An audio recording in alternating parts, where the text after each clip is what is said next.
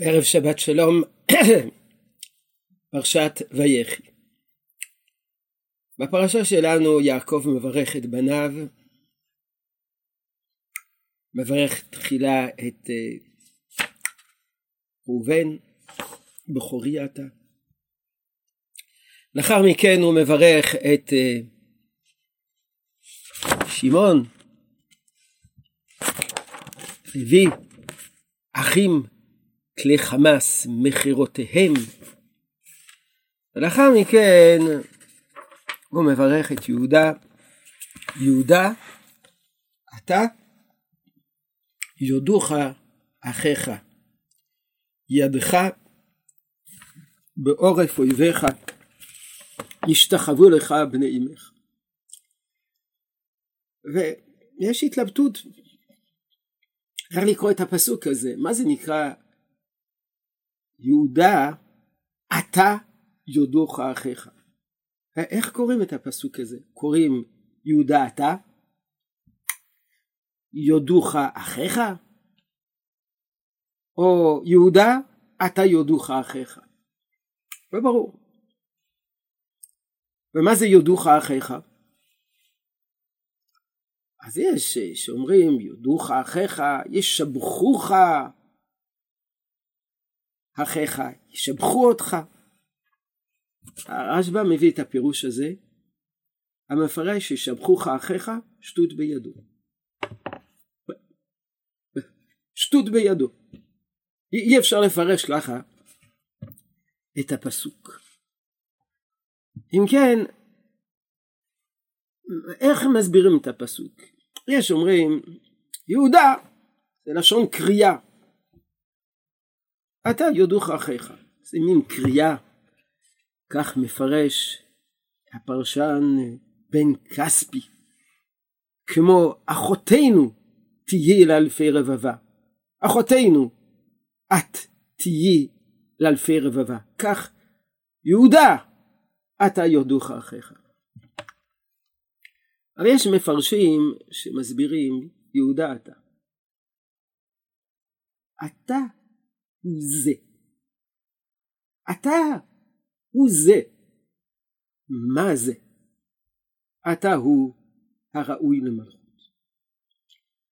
זה בא כהנגדה למה שנאמר לפני כן. יעקב פותח בראובן, ראובן בחורי אתה. אם אתה בכור, אז אה, יתר אה, שאת ויתר אז. רש"י כותב, מה זה יתר עת ויתר אז? ראוי היית להיות יתר על אחיך בכהונה, יתר אז במלכות. הנושא זה מי ראוי למלכות. ויעקב מתחיל לברר מי ראוי למלכות מבין בניו. הוא בן בחורי אתה, אתה היית ראוי להיות מלך, יתר אז. אלא מה? פחז כמים. מסביר הרב שר הירש, המים אינם יציבים. מי שראוי למלכות צריך האדם עם זקיפות קומה, עם עוצמות, עם חוסן פנימי. או, שמעון ולוי דווקא מתאים. למה? מכיוון ששמעון ולוי אה, יש להם עוז, יותר מדי עוז, ארור אפם כי אז, יותר מדי, יותר מדי חריפות, יותר מדי תקיפות, ארור אפם כי אז ועברתם כי קשת. לכן אכלכם ביעקב אפיצם בישראל. יהודה אתה. אתה הוא זה שמתאים למלכות. כך מסבירים חלק מן המפרשים ומסבירים הרשב"ם יודוך אחיך ייתנו לך אחיך הוד מלכות. יודוך מלשון הוד מלכות. ואחרים אומרים יודוך אחיך כפשוטו יודו שאתה שאתה האיש יקבלו את מלכותך, יודוך יקבלו את המלכות שלך. גם ככה מסביר הרש"ר הירש, יהודה, אתה, אתה איש, אתה המועמד המתאים למלכות. ויודוך, אחיך יקבלו את מלכותך. מדוע דווקא יהודה? אז יש איזה תוספתא במסרת ברכות נפלאה שבנפלאות. ואני אקריא אותה. מעשה בארבע זקנים שיושבים בבית שער של רבי יהושע. מי הם אותם ארבעת הזקנים? אלעזר בן מתיה, חנניה בן קינאי, שמעון בן עזאי ושמעון התימני. והיו עוסקים, עסוקים במה ששנה להם רבי עקיבא. מפני מה זכה יהודה למלכות? מפני שהודו בתמר. אמרו, איך היא נותנים שכר על העבירות? נכון שיהודה הודה בתמר, אבל ההודעה היא על עבירה שהוא עשה. אלא מפני מה זכה יהודה למלכות? מפני שהציל את אחיו מן המיטה, את יוסף, שנאמר ויאמר יהודה אל אחיו, מה בצע כי נהרגנו? אמר, דיה להצלה, שתכפר על המכירה. שותף למכירה. אז הוא הציל אותו מצד אחד, מכר אותו מצד שני. אלא מפני מה זכה יהודה למלכות? אמרו לו, מפני הענווה, שנאמר, ועתה ישב נא עבדך תחת הנער. ענווה. ענווה שהוא מוכן לשבת תחת הנער, הוא מכנה את עצמו עבד ומוכן לשבת תחת הנער, תחת בנימין. אמר להם, אבל לא ערב הוא. בסופו של ערב לצאת ידי ערבותו, הוא התחייב, הוא היה ערב. מי שערב חייב לעמוד בערבות, בערבות שלו. אלא מפני מה זכה יהודה למלכות? אמרו לו ילמדנו רבנו. אמר להם מפני שקידש שמו של הקדוש ברוך הוא על הים. כשבאו שבטים ועמדו על הים, זה אומר אני ארד, וזה אומר אני ארד. קפץ שבטו של יהודה, וירד תחילה, וקידש שמו של מקום על הים. אבל אותה שעה הוא אומר, הושיעני אלים, כי באו מים עד נפש. הוא אומר, והייתה יהודה לקדשו, ישראל ממשלותיו. יהודה קידש שמו של הקדוש ברוך הוא על הים, לפיכך ישראל ממשלות. כן, השאלה שבמדרש, במה זכה יהודה למלכות, או בלשון אחרת, איזו תכונה מכשרת את האדם למלכות, להנהגה. והוצאו כמה וכמה אפשרויות. הודה, הודה בתמר, זו אפשרות ראשונה. אפשרות שנייה מפני שהציל את אחיו מן המיטה. אפשרות שלישית מפני הענווה. אפשרות רביעית מפני שקידש שמו של הקדוש ברוך הוא עליי. אז נעבור על אחת ואחת מן ה... כל אחת מן התשובות. כל אחת מן התשובות היא תכונה שמכשירה את האדם למלכות. התכונה הראשונה מפני שהודה בתמר. וכך כותב אונקולוס, כך מתרגם אונקולוס, יהודה, את הודית ולא בהיטתית, בהיטתה. אתה הודית ולא פחדת בך יודון אחיך. ההודעה, אתה ראוי למלכות. למה? מפני שאתה הודית. מדוע הודאה בחטא מכשירה את האדם להנהגה. הסבר הראשון, יושרה, מודה על טעותו, שומע ומקשיב, לא מתחפר, אחת הסכנות הגדולות. בהנהגה, כאשר יש מנהיג שיש לו ביטחון עצמי מופרז, טועה, וגם כשהוא טועה, הוא לא רוצה להודות בטעותו, ממשיך, ומתעקש, ומתחפר, ומוביל את העם לאסון נורא. מי שמודה, לומד מהטעויות, מתקן את דרכיו, יש סיכוי שההנהגה שלו תהיה מוצלחת. אבל המהר"ל, ואני רוצה ללכת בעקבות המהר"ל, מסביר לכל אחד ואחד, כל אחד ואחת מן התכונות האלו, למה היא מכשירה את האדם למלכות. אומר המהר"ל, ראוי למלכות כי הוא מלך על יצרו, כאשר מודה על חטא שעשה. יצר הרע אינו שולט בו, והוא מלך לגמרי, כאשר מלך על יצרו, ואין שולט בו יצר רע דבר. אדם שמודה צריך להתגבר על יצר הרע שלו. יצר הרע הפנימי שלו לא מאפשר לו להודות. אומר המהר"ל, אדם ששולט על עצמו, הוא ראוי למלכות. לפני שאדם מולך על כל, ה... כל ה... על כל המדינה, לפני שאדם מולך על כל העם, על כל כלל ישראל, השאלה הוא מושל בעצמו.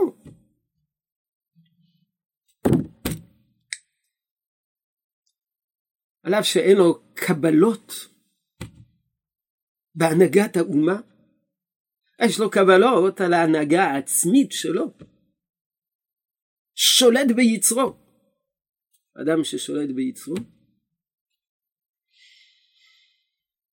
יש לו סיכוי גם להנהיג בצורה נכונה וראויה את כלל ישראל. חז"ל אומרים, נו, מה? נכון שהוא הודה, אבל הוא גם כן אה, מחר, הוא חטא. זה היה להודעה שתכפר על המכירה. האדם הזה חטא. האדם הזה חוטא. איך אנחנו יכולים להביא אדם שחוטא ואחר כך מודה? סוף סוף זה אדם שבעת שהוא חטא לא שלט על יצרו. לכן אמרו מפני שהציל אחיו מן המיתה. מסביר המהר"ל, זה עניין המלך. להציל העם מן העושקים ומן הבאים למלחמה עליהם ומפני כך ראוי שהם זוכה למלכות. יהודה מתגלה כדמות שמגינה, מגן על אחיו. אפשר לומר יש לו רגישות, רגישות לצרת הפרט, רגישות ציבורית, אחריות כלפי גורלם של בני אדם, אחריות כלפי כלל ישראל. תפקידו של המלך להגן על כלל ישראל. יהודה, שבא להציל את אחיו, אזי אה, יש בו תכונה של מלכות. וחז"ל דוחים. נו, הוא גילה רגישות. בתחילה הוא לא גילה. הוא היה שותף למכירה.